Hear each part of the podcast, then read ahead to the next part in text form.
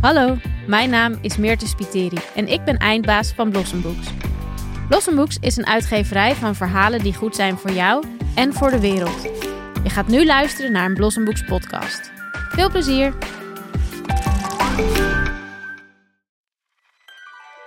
Welkom bij de podcastserie over wereldklassiekers. In deze aflevering spreek ik met Vertaro Merel Lene en historicus Rosanne Schot en hoor je alles over Charles Dickens en zijn kerstverhaal.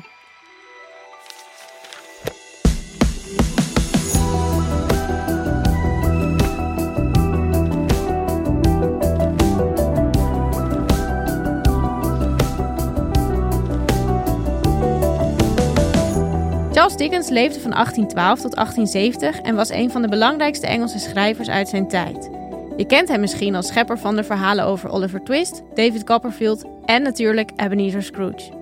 Hij was gedurende zijn leven al erg populair en stond bekend om zijn felle maatschappijkritiek. In zijn werk werd hij geroemd om zijn gedetailleerde beschrijvingen van de omgeving, herkenbare personages die zich absurd gedragen en heel veel satire. Welkom, Merel en Rosanne. Fijn dat jullie er zijn en dat we samen Dickens kunnen gaan ontleden en zijn kerstverhaal. Um, Merel, jij hertaalde het kerstverhaal voor de Wereldklassieker-serie. En Rosanne, jij bent historicus en boekenliefhebber, kan ik dat zo zeggen? Nou ja, verslaafde, dat klinkt altijd zo. Uh... En uh, zijn jullie beiden ook echt groot Dickens-fan? Uh, nou, ik, niet per se. Ik heb, uh, ik heb niet heel veel boeken van Dickens uh, gelezen, maar ik ben wel een heel groot Christmas Carol fan. Ja, ik vind het wel knap hoe ze elke keer. Ik hou heel erg van die BBC miniseries. En ook weer onlangs hadden ze een nieuwe versie gemaakt van David Copperfield. en ja, dat, dat weet ze gewoon zo goed in beeld te brengen. En hij is ook heel grappig. Dus dat is denk ik ook wel hetgeen wat het nog steeds leuk maakt. Dat je, ja, dat je er nog die humor die zit er nog steeds wel, wel in. Oké, nou daar gaan we zo meteen uh, veel meer uh, te, over te weten komen. Merel, we gaan zo meteen ook meer over jouw hertaling uh, te weten komen. Ja. Maar um, misschien laten we even bij het begin beginnen waar Dickens kerstverhaal over gaat. Merel, kan jij dat in drie zinnen dat kan ik wel proberen. Um, de hoofdpersoon is Ebenezer Scrooge. Dat is een enorme vrek en gierigaard. Um, en die, uh, die zijn kantoorklerk uitknijpt en die totaal niet van mensen houdt en ontzettend schraperig is. En hij wordt uh, in de nacht voor kerst bezocht door in totaal vier geesten. De eerste geest van zijn voormalige zakenpartner en daarna drie kerstgeesten. De kerst van het verleden, van het heden en van de toekomst. En als hij die geesten alle drie uh, heeft gesproken en gezien, dan verandert hij van een enorme vrek in een man die helemaal gek is op uh, kerstmis. Dus het is een uh, happy ending. We gaan het er zo meteen meer over hebben. Um, laten we eerst even naar de historische duiding gaan. Want toen het verhaal uitkwam, en dat is op 19 december 1843, vlak voor de kerst verscheen het. En dat was binnen drie dagen uitverkocht. Um, Rosanne, kun jij iets meer vertellen over de tijd waarin dit verhaal uitkwam? En misschien ook al een tipje van de sluier geven hoe het kwam dat dit boek zo populair was in die tijd? Ja, ik denk dat Dickens gewoon heel slim was in de marketing en in hoe hij uh, zijn verhalen vertelde. Dat hij, hij was niet bezig voor een heel klein literair publiek, maar hij wilde juist zoveel mogelijk mensen bereiken. En hij had ook heel goed door dat uh, maatschappijkritiek, ja, je kunt dan een heel felle opinie gaan schrijven of een, of een, nou ja, een heel traktaat, maar ja, dat is over het algemeen vrij deprimerend en daar heeft niemand zin in. Maar wat, wat ze wel heel graag willen lezen, dat zijn natuurlijk verhalen over mensen. En nou ja, ook met archetypes en slechterikken. Uh, en dat er van alles uh, avonturen gebeuren, dat er geesten in voorkomen. Dus hij had heel goed door van, nou ja, als ik mijn punt wil maken. En hij had echt een heel, uh, hij was heel erg, nou ja, hij had zelf ook armoede meegemaakt, als kind in een fabriek gewerkt. En hij had zoiets van, hier moeten we als maatschappij wat aan doen. En dan moet je bedenken, nou, dat is de 19e eeuw, kinderarbeid uh, is zo normaal uh, als dat wij nu een, een havercappuccino bestellen. En die ongelijkheid die in de maatschappij plaatsvond, die vonden heel veel mensen dus ook gewoon normaal. Zo van, nou ja, uh, al die arme kinderen, al die arme mensen, dat, dat hoort er gewoon een beetje bij. En uh, als, ze, als ze nou echt een ander leven willen, dan hadden ze maar beter hun best moeten doen. Dus het werd echt gezien als een, een natuurlijk gegeven, waar ze ook mensen niet, uh, nou ja, de mensen die wel geld hadden, een hele nieuwe burgerlijke elite, die had niet echt een verantwoordelijkheid richting die mensen. Dat, dat, dat, hadden ze er toch een beetje zelf naar gemaakt. En Dickens had heel goed door van, nou ja, zo'n boek, dat is ook een beetje een empathiemachine die je, die je hierbij kan aanzetten. Dus hij beschreef ook echt het leven van die mensen die nou ja, aan de onderkant van de maatschappij zaten. En hij beschreef dat op zo'n manier dat mensen toch wel door hadden van, oh, dat zijn eigenlijk ook gewoon mensen met dromen. Uh, dat zijn ki kinderen die gewoon in de verkeerde omstandigheden terecht zijn gekomen. En het is niet per se hun eigen schuld dat ze daar zijn. Dus hij gebruikte dat echt uh, in die zin die maatschappijkritiek zo van oké, kijk naar jezelf en wat, wat, wie zijn we nu eigenlijk met elkaar? Want wie waren dan de mensen die zijn boeken met name kochten? Waren dat juist de rijken? Of waren, hadden de, de armere mensen ook geld voor zijn boek en, en konden zij dan lezen van oh, wat vet dat er iemand is die het voor ons opneemt? Nou ja, dit is, een, dit is wel in een tijd dat mensen langzaam wat meer, uh, zeg maar, grootschalig gaan lezen. En dat boek ook echt werden gezien als iets waar je binnen de, nou ja, binnen de cultuur van mensen die dus wel echt ook enig onderwijs hadden genoten, dat die daarmee ja, zichzelf ook gingen verbeteren. Dus er zit ook een soort van moreel verhaal in. En dat lezen, dat, dat, dat was dan iets wat ook uh, je klasse zeg maar versterkte. Dus want dan had je boeken thuis. Nou, boeken waren niet, uh, niet heel goedkoop. Dus dat had je dan in de kast. En dan kon je dus laten zien, ik heb status, ik heb klasse, ik kan lezen. Mijn kinderen kunnen naar school. En ik word een beter mens, want ik ben ook nog allemaal verhalen aan het lezen die gaan over hoe je ja, hoe je, je moet gedragen in de maatschappij eigenlijk. Oké, en uh, ik geloof dat, dat uh, Dickens die werkte zelf dus ook vanaf zijn tiende of twaalfde, geloof ik, moest hij als schoenenpoetser werken in een fabriek of in een schoenfabriek werken. Dus gebruikte hij dan ook al die ervaringen, stopte die dan ook in zijn boeken, zodat hij ook echt wist waar hij het over had? Nou ja, dat is denk ik wel bijzonder aan Dickens. Want nou ja, niet iedereen kon lezen in die tijd. Of, en laat staan dat je ook tijd had om te schrijven. Want op het moment dat jij uh, nou ja, dat was echt wel iets wat eigenlijk mensen met geld, die konden ook boeken schrijven. Nou ja, waar gaan ze dan boeken over schrijven? Over de wereld die zij zelf kennen. En dat is natuurlijk niet per se de wereld van uh, arme kinderen die in fabrieken moeten werken. Dus die werelden stonden heel ver van elkaar af. En wat hij probeerde echt ook een brug te slaan door zijn eigen ervaringen. Uh, en dat hij ook zoiets had van, oké, ik moet ook echt iets schrijven wat heel veel mensen gaan lezen. Dus niet alleen maar voor een heel klein publiek van intellectuelen, maar hij wilde juist een breed publiek, zeg maar, bereiken met de boeken die hij schreef, zodat er ook echt verandering kon plaatsvinden. Oké. En uh, nou, dat was ook uh, te midden van de industriële revolutie. Rosanne, kan jij een hele korte duiding geven wat die industriële revolutie nou precies inhield en wat er gebeurde? Nou, in, heel erg in het kort. Uh, mensen gingen van de, trokken naar de stad om in fabrieken te werken. en werkten niet meer op het land. en werden gehuisvest in ontzettend kleine huisjes. Hadden enorm grote gezinnen. Werden uitgebuit door de fabriekseigenaren. En we leefden gewoon in erbarmelijke erbarmelijke omstandigheden. Uh, en specifiek dus ook het gebruik van kinderarbeid in hele gevaarlijke fabrieken was gewoon aan de orde van de dag. En uh, daar werd heel veel geld mee verdiend. Ook onder de, ja, Engeland was natuurlijk een groot koloniaal rijk op dat moment. dus ja, ze waren een wereldmacht. Maar ja, wie profiteerde van die wereldmacht? Dat waren niet de kinderen in de fabrieken. Oké, en nou ja, we zeiden al heel even helemaal in het begin dat hij dus uh, veel daarvan uh, in zijn boeken stopte. Merel, dat moet jij dan ook gemerkt hebben tijdens het vertalen van zijn werk. Uh, ja, zeker. Um, wat ik bijvoorbeeld een, een, een, mooi stuk vind, hij sowieso is Dickens geweldig in beschrijvingen, niet alleen van personages, maar ook van nou ja, de omgeving. En in dit boek staat op een gegeven moment wordt prachtig beschreven hoe Um, het is eh, vlak voor kerst, het is winter, het sneeuwt. Uh, maar uh, je ziet geen idyllisch sneeuwlandschap voor je, maar je ziet gewoon een, een, een, donkere, duistere stad waar de sneeuw die uit de lucht komt niet maagdelijk wit is, maar gewoon smerig zwart van, van het roet van alle fabrieken. En er hangt een vieze bruine mist. En dus op die manier uh, is de sfeer in het boek ook. Uh, ja, je ziet dat voor je. Je ziet voor je dat het niet een idyllisch leuk stadje is, Londen, met alles groen en parkjes. Maar het is gewoon, ja, er is armoede, het is somber, het is duister, het is donker.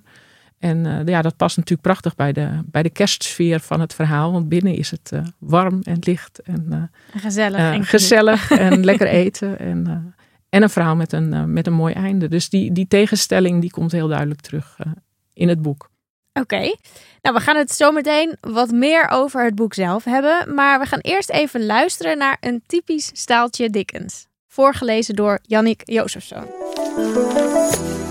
Vrolijk kerstfeest, oom, riep een opgewekte stem. Het was Scrooge neef Fred, die zo snel naar binnen was gelopen dat Scrooge pas door zijn groet merkte dat hij er was. Bah, zei Scrooge, nonsens. Van het harde lopen in de mist en de kou had Fred het zo warm gekregen dat hij ervan gloeide. Zijn wangen waren rood, zijn ogen glommen en zijn adem kwam in wolkjes uit zijn mond. Kerstmis nonsens, oom, zei hij. Dat meent u vast niet. Oh jawel, zei Scrooge. Vrolijk kerstfeest. Waarom zou je vrolijk zijn? Je bent straatarm. Ha, maar waarom zou u dan zaggerijnig en somber zijn? zei zijn neef vrolijk. U bent steenrijk. Daarop had Scrooge niet direct een antwoord paraat. Dus zei hij nog eens, bah, en liet er een tweede nonsens op volgen. Niet boos zijn, oom, zei Fred. Waarom niet? Terwijl ik in een wereld vol dwazen leef? Vrolijk kerstfeest? Wat is er voor jou zo vrolijk aan het kerstfeest? Je moet rekeningen betalen, maar je hebt geen geld. Je bent weer een jaar ouder, maar nog geen penny rijker. Als je de balans van de afgelopen twaalf maanden opmaakt, staren je alleen maar schulden in het gezicht. Als het aan mij lag, zei Scrooge verontwaardigd, ging elke idioot die te pas en te onpas vrolijk kerstfeest roept, in zijn eigen kerststol de oven in en werd hij daarna begraven met een hulstak door zijn hart. En dat meen ik. Oom, zei zijn neef. Neef, zei zijn oom ernstig. Vier jij kerstmis nou maar op jouw manier en laat mij het op mijn eigen manier vieren. Vieren? Maar u viert helemaal geen kerstmis. Nou, laat het me dan niet vieren, zei Scrooge, en ga jij gerust je gang. Alsof je er zelf ooit beter van bent geworden. Er zijn zat dingen waarvan ik heb genoten zonder dat ik er beter van ben geworden, antwoordde Fred. En kerst is er daar één van. Ik heb de periode rond kerstmis altijd heel fijn gevonden.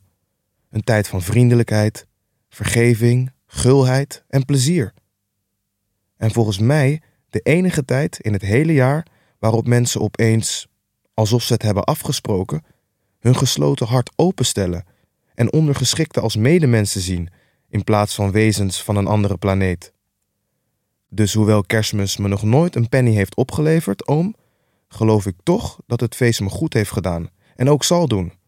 Daarom zeg ik: vrolijk kerstfeest. Zonder erbij na te denken begon Cratchit in zijn hokje te applaudisseren. Maar onmiddellijk voelde hij hoe ongepast dat was. Dus spoorde hij met de pook in het vuur, waardoor ook het laatste ile vonkje definitief uitdoofde. Van jou wil ik geen kik meer horen, Cratchit, zei Scrooge. Of anders kun je je kerst als werkeloze vieren. Hij draaide zich weer om naar zijn neef. Je kunt indrukwekkend praten, zeg. Je zou er je werk van moeten maken. Niet boos zijn, oom. Waarom komt u morgenavond niet bij ons eten? Scrooge antwoordde nogal onbeleefd dat hij hem nog eerder in de hel zou tegenkomen. Maar waarom? riep Fred uit. Waarom? Waarom ben je getrouwd? zei Scrooge. Omdat ik verliefd werd. Omdat je verliefd werd? bromde Scrooge.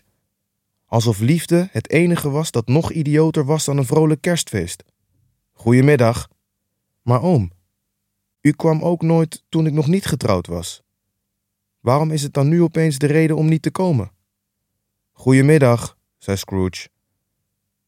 Ik wil niets van u. Ik vraag u nergens om. Waarom kunnen we geen vrienden zijn? Goedemiddag, zei Scrooge. Het spijt me uit de grond van mijn hart dat u zo halstarrig bent. We hebben nooit ruzie gehad, niet voor zover ik weet tenminste. Maar ter ere van kerst heb ik het geprobeerd. En ik blijf ondanks u gewoon in kerststemming. Vrolijk kerstfeest, oom. Goedemiddag, zei Scrooge. En gelukkig nieuwjaar. Goedemiddag, zei Scrooge. Zijn neef vertrok zonder een onaardig woord te zeggen.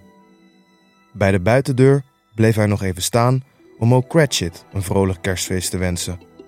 Die reageerde, hoewel hij bijna bevroor, heel wat warmer dan Scrooge, want hij beantwoordde de groet hartelijk.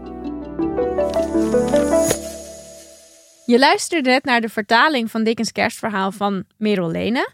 Merel, kun jij uh, vertellen wat er in dit stukje nou typisch Dickens is? Aan zijn stijl, aan wat we gehoord hebben?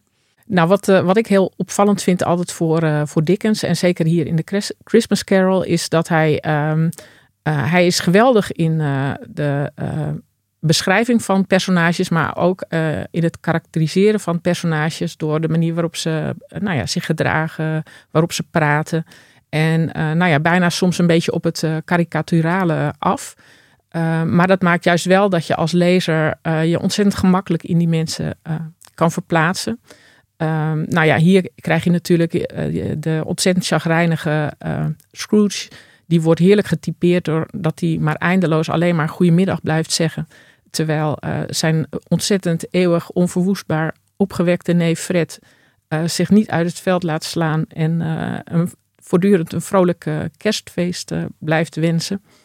Um, nou, Dickens is geweldig in dat soort, dat soort dialogen. En ja, Rosanna had het net over, de, eh, over miniseries van andere boeken van Dickens.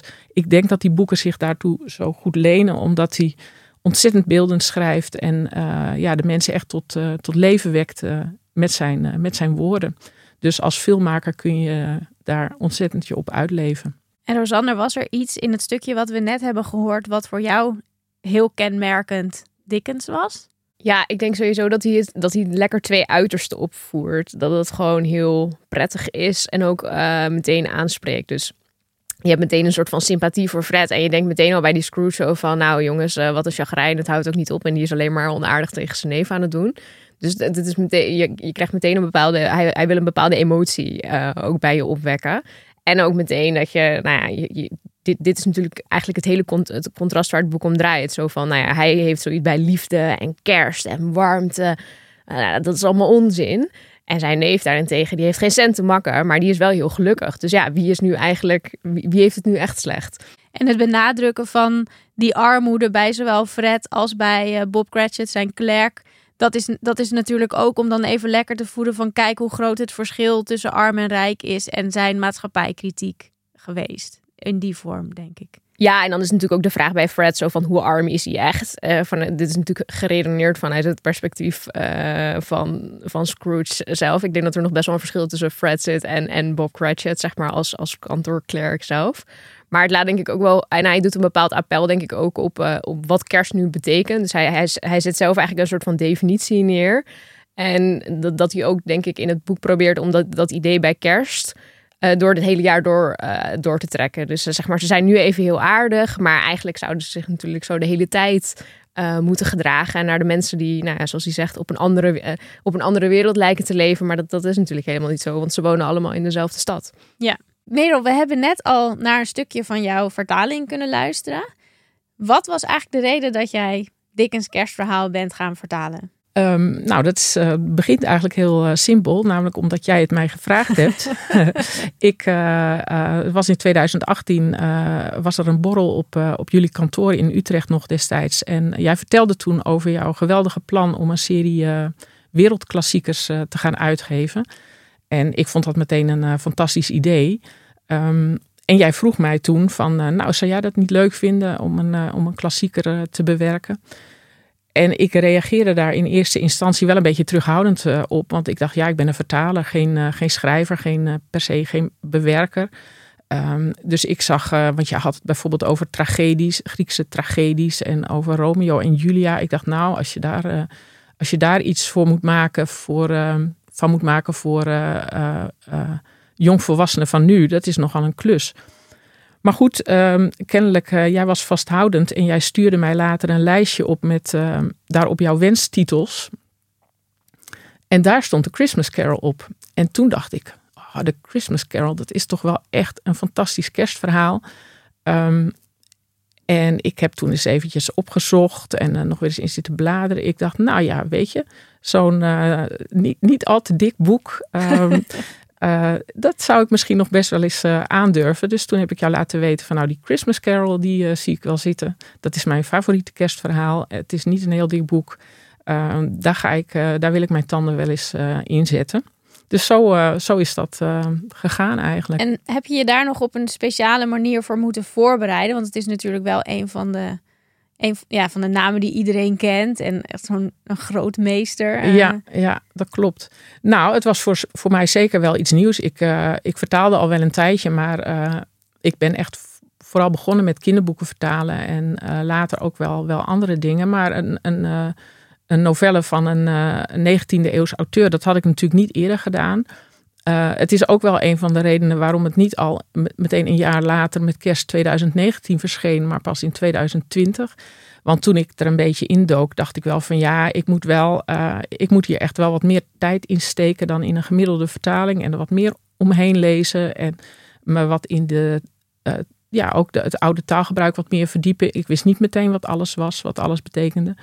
Dus ik heb wel echt mijn tijd genomen. En uiteindelijk is, is, is het dus in 2020 uh, eh, verschenen. En wat zijn, wat zijn dan dingen die afweken? Zeg maar, wat, wat, wat had hij een bijzondere stijl of woordkeuze? Of, en hoe heb je dat dan in de Nederlandse editie gewaarborgd. Ja. Kun je daar wat meer over vertellen? Nou, ik denk, um, ik denk dat mijn, uh, mijn vertaling is wel meer een vertaling dan een bewerking. Uh, ik heb niet het hele verhaal omgegooid of helemaal naar uh, hedendaagse taalgebruiken gebracht.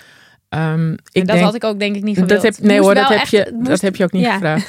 Nee, maar uh, nee, ik vind juist uh, wat, wat zo prachtig is van Dickens, dat zijn juist ook die hele die bloemrijke beschrijvingen, uh, de, de prachtige manier waarop die mensen beschrijft die er gek uitzien. Of uh, die, nou ja, waar uiterlijk en innerlijk vaak ook heel erg met elkaar overeenkomen. Um, ik herinner me, een, er zit een hele mooie scène in waarin, waarin je gewoon een beetje te zien krijgt hoe daar in de buurt, in de, in de straten in Londen, prachtige kerstetalages zijn met allemaal heerlijk eten en appeltjes en sinaasappels en vijgen en wat al. Nou, ik dacht, als je dat allemaal gaat schrappen, omdat wij, omdat wij dat nu niet meer zo zouden doen, dan blijft er niks over. Het is juist leuk om uh, jongeren van nu kennis te, te laten maken met, uh, met, met zo'n verhaal. En daar hoort die hele bloemrijke taal, die hoort daarbij. Um, wat ik wel gedaan heb, is, ik heb bijvoorbeeld verwijzingen naar dingen die wij nu helemaal niet meer begrijpen. die heb ik of soms een beetje geschrapt, soms heb ik ze een beetje uh, veralgemeniseerd. Of ik heb soms een beetje uitleg erin gesmokkeld. Um, sommige stukken die, ja, die waren voor ons doen toch echt een beetje te lang. Vooral als het wat abstractere uitweidingen waren. Die heb ik soms ook wat ingekort. Um, maar verder denk ik dat ik, uh, dat ik heel dicht bij, uh, bij de 19e eeuwse Dickens uh, ben gebleven. ja, omdat ik zelf vind dat dat juist het, het prachtige is van, van het verhaal. En met, dit, met deze novelle heb je een prachtige introductie in, in Dickens. En kun je ook aan een paar dikkere pillen van hem uh, gaan beginnen als je van dit voorproefje genoten hebt. Ja, ik ben natuurlijk de uitgever, dus dit is een beetje wij van WC1 vinden WC1. maar ik ben het er met je eens dat, dat, het, dat het heel goed is geworden. En ik doe dat nooit bij vertalingen, behalve bij de wereld. Dan lees ik altijd echt stukken één op één, omdat ik wel echt erachter wil staan wat er eventueel is veranderd of weggelaten. Of... Mhm. Maar dat, dat, ja, dat was gewoon echt heel fijn. En zeker als je wil dat een verhaal kan blijven overleven in de tijd, maar ook echt recht doet aan het origineel, dan uh, denk ik dat ja, ik denk dat je dat uh, eh, super goed hebt gedaan. Ja, dankjewel. Um, waren er opmerkelijke passages die uh, in het boek naar voren kwamen, waar je altijd extra aan denkt als je aan de vertaling denkt? Ja, dat is denk ik toch die scène die ik, uh, die ik net noem. Met, uh, uh, omdat die voor mij ook zo ultiem kerstachtig is. Dus je krijgt dan eerst een beetje de beschrijving van hoe het allemaal op straat is. En de drukte en sleeënde kinderen. En, en mensen die zich bij een vuurtje warmen. En vervolgens al die um, winkels met kerstetalage. Met lekkere dingen. Alle mensen die in een heerlijke kerstsfeer al zijn, omdat ze zich uh, nu al een beetje verkneukelen van straks gaan we met z'n allen aan het kerstdiner, met gezellig, met uh, familie en vrienden. En ja, dat is gewoon heerlijk uh, om te beschrijven. en dus ook om te vertalen. En hetzelfde geldt ook voor de momenten, ja, de momenten waarop Scrooge de verschillende geesten te zien krijgt. Het begint natuurlijk prachtig met, met Marley, zijn voormalige zakenpartner, die hij in eerste instantie ziet in de deurklopper van zijn, van zijn huis. Hij gaat naar huis na de werkdag en hij wil de deur open doen en de klopper van de deur die verandert ineens in het gezicht van, van Marley. Ja, dat zijn de, dat zijn de bekende scènes uit het, uit het verhaal. En het is ontzettend leuk om die dan woord voor woord ja, in, in een mooi Nederlands te gaan zetten. Hey, en jij, wat jou heel erg bij is gebleven, is dus inderdaad de, de manier van kerstvieren. Mm Rosanne, weet jij toevallig of we in, nou het was 1843 dat die uitkwam, was kerstvieren toen heel erg anders dan dat we dat nu doen? Ik bedoel, volgens mij, er waren ook cadeautjes en kalkoen komt er in, uh, in voor. Dus veel dingen zijn denk ik ook hetzelfde. Ja, ik denk wel dat kerst in die tijd nog echt veel meer in de christelijke context uh, gezien moet worden. Dus uh, dat ook, uh, je ging naar de kerk op, op kerstochtend. en volgens mij is dat ook een beetje een cultureel verschil in Engeland en in Duitsland bijvoorbeeld. Dat die Christmas Eve, die heeft dan ook een bepaalde rol. Uh, en tegenwoordig, wij hebben natuurlijk heel veel, denk ik, van onze kersttradities tegenwoordig uh, een beetje uit Amerika geïmporteerd. Ook met Santa Claus. Dat is ook een figuur die eigenlijk, nou ja, is natuurlijk origineel gebaseerd op onze Sinterklaas. Uh, en die is eigenlijk pas, nou ja, 100 jaar oud ongeveer. En die verandert ook steeds een beetje. Dus de kersttradities die je denk ik in dit boek heel erg ziet terugkomen, dat draait echt heel erg om dat, om dat diner. Uh, met, die, met die turkey. Dus nou, het doet eigenlijk ook wel een beetje denken aan het, het Amerikaanse Thanksgiving. Daar zijn ze natuurlijk ook helemaal van de, helemaal van de kalkoen. Uh, en het idee dat je natuurlijk maar één dag eigenlijk hebt. Tegenwoordig hebben we natuurlijk ook nog tweede kerstdag. Of in Engeland heet dat dan uh, Boxing Day. als het goed is, want dan gaat iedereen shoppen bij de, bij de meubelboulevard. Nou, die hadden ze toen nog niet. Dus ik denk dat het heel erg draait om echt, echt dat diner en dat eten en dat samenkomen. En dus ook naar de kerk om dan vervolgens... Uh, nou ja, je viert natuurlijk de geboorte van Jezus uh, met, uh, met het kerstfeest. dus dat dat veel centraler staat ook in de beleving. Dat, dat mensen daar heel erg mee bezig zijn.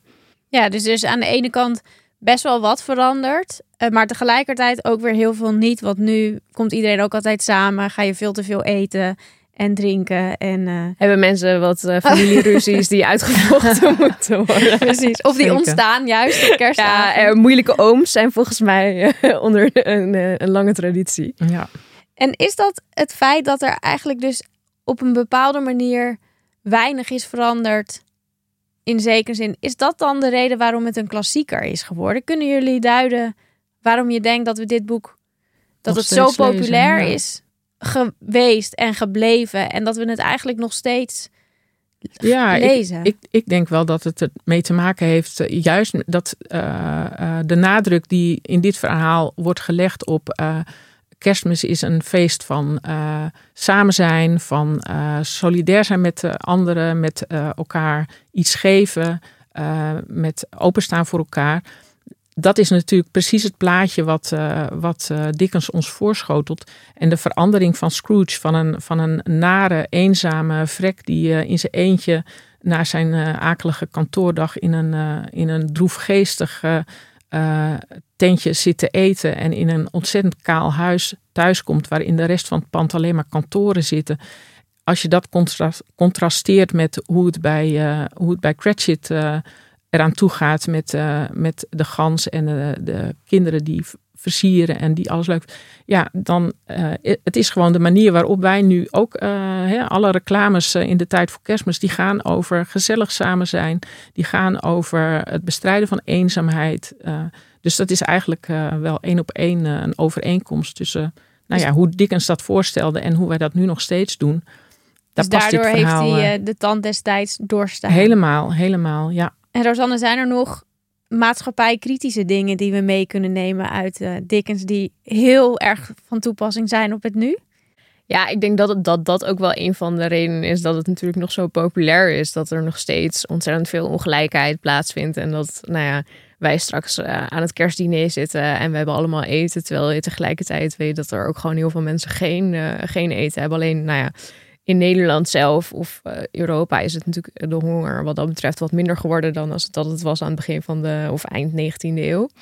Maar tegelijkertijd, ja, dat kinderen in fabrieken werken, onze elektrische auto's, die rijden niet zonder uh, al dat kobalt wat uit die mijnen wordt gehaald. Dus de, de problematiek is eigenlijk nog steeds hetzelfde. En ik denk ook de oplossing van, van Dickens daarin was ook, uh, hij had echt een oproep van, nou ja, zie mensen als je medemens. En uh, de oplossing was eigenlijk van, als rijke mensen nu gewoon wat meer van hun welvaart afstaan, dan lossen we, dan zeg maar, dat, dat is zeg maar eigenlijk de oplossing. En je kunt je natuurlijk ook afvragen van, hoe radicaal is dat eigenlijk nu als je bedenkt uh, dat we dus eigenlijk 150 jaar later niet heel veel verder zijn gekomen. Dus als hij zich nu verkiesbaar zou stellen, dan zou hij uh, wellicht uh, genoeg stemmers achter zich kunnen weten te krijgen. Je weet het niet. Ja. Nou, ik vind dit een heel mooi einde. we hebben nog wel een laatste blokje met fun fact. Kijken of jullie deze kennis wisten. En ik kijk vooral heel erg uit naar de tweede fun fact, want dat gaat over een van mijn lievelingskerstfilms. Um, we gaan eerst even naar stelling 1. Dickens' werk is vaak verschenen als feuilleton.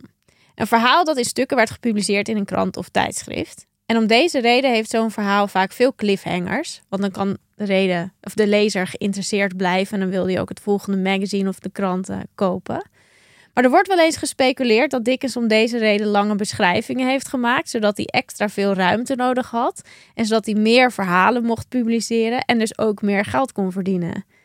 Denken jullie dat dit waar is? Ik denk dat er wel een bepaalde, uh, je moet een bepaalde vaardigheid hebben om, uh, om feuilletons uh, te schrijven. Want elke aflevering moet een bepaalde spanningsboog hebben. het zal verder best zo zijn dat, dat Dickens aan zijn portemonnee af en toe dacht.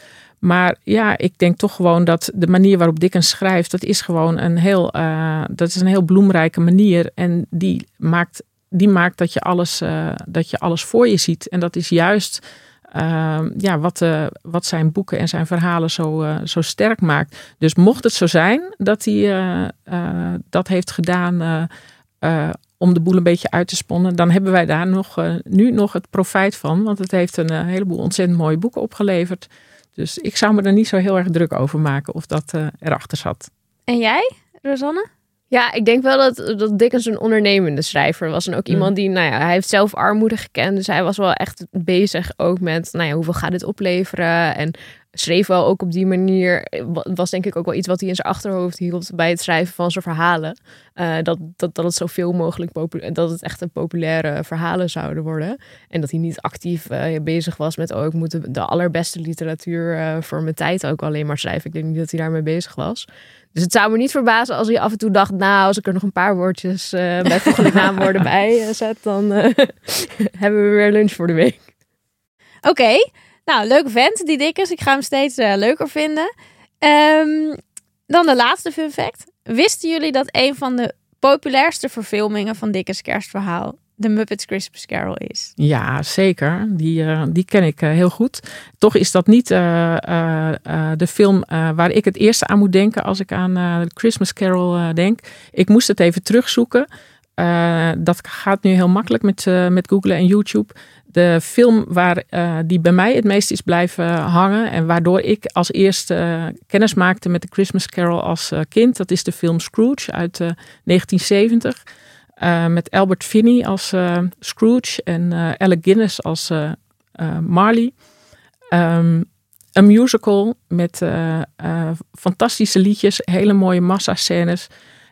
Je moet maar eens even, hij, je kunt hem helemaal terugzien op, op YouTube. Ik heb wel eens even eh, zitten kijken. Bijna alle beelden die ik, die ik heb bij het boek, die blijken voor een deel ook uit die film te komen. En die blijkt dus ook verbazingwekkend goed overeen te komen met de teksten. Dus ehm, nou ja, als je in de aanloop voor kerst zin hebt in een lekkere film, vergeet dan niet de Muppet film. Maar kijk vooral ook die uit 1970, Scrooge. Want het is echt heerlijk. En jij, Rosanne? Ja, dit, dit is onze kersttraditie. Wij uh, kijken, mijn moeder is ontzettend een Muppet-fan. Dus uh, wij kijken elk jaar de Muppet Christmas Carol. Uh, ja, zonder dat is de kerst niet compleet. ja, nee, dat is bij mij eigenlijk precies zo. En ik moet ook zeggen dat voordat we met deze klassieker gingen werken, um, had ik dus nooit een, een echte de Dickens gelezen. Ik ken het verhaal alleen van de Muppets Christmas van de Muppets, Carol. Nou, fantastisch. Waar de Muppets al niet goed voor zijn. Precies, maar toen ik jouw vertaling ging lezen, toen zag ik dus Bob Cratchit ook voor me als Kermit de Kikker. ik, ik kan het gewoon, dat hele boek ja, ik, ik, zie dat toch zo voor me. Dus het is leuk wat de Muppets allemaal... Uh... Nou ja, en Tiny Tim ook vooral. Dat is toch oh, wel de, de allerschattigste babykikker met een, uh, ja... Een, een, kruk. ja, een krukje om zichzelf. Uh, als, je, als, je, als je daarvan niet je hart openbreekt, dan weet ik ook niet meer. Dan is het ijskoud. Ja, ik denk dat Tiny Tim een goede cliffhanger is voor de lezer of voor de luisteraar uh, waarom die uh, Dickens kerstverhaal moet lezen als je nu nog niet overtuigd bent. Want Tiny Tim, die, uh, ja, dat is toch wel echt een heel speciaal personage in het boek. En als je daar niet de tissues erbij moet pakken, dan heb je echt een hart van steen. Dat lijkt mij ook, ja. Dus ga vooral Dickens kerstverhaal lezen of luisteren of kijken. In ieder geval, ik denk dat het jaar niet compleet is als je die niet voor de kerst of na de kerst of tijdens de kerst aanzet. Merel en Rosanne, bedankt voor jullie komst. Ik heb heel veel geleerd over Dickens en ook weer natuurlijk nog meer over zijn kerstverhaal. Ik heb ontzettend veel zin om hem nu te herlezen en te kijken. Uh, misschien deze keer niet de Muppets kerst, uh, kerstverfilming, maar dan die uit 1970. Zeker aan te raden. Bedankt voor jullie komst. Jij ook bedankt voor uh, dit, deze fantastische herhaling. Ja, bedankt. Je luisterde naar een Blossomboeks podcast, gemaakt in samenwerking met Spraakmaker Media en onder redactie van Moshe Veli. Deze podcast is mede mogelijk gemaakt door subsidie van Stichting Wij Eisen Kinderboeken. Wil je meer weten over wat wij doen? Neem dan een kijkje op www.blossomboeks.nl.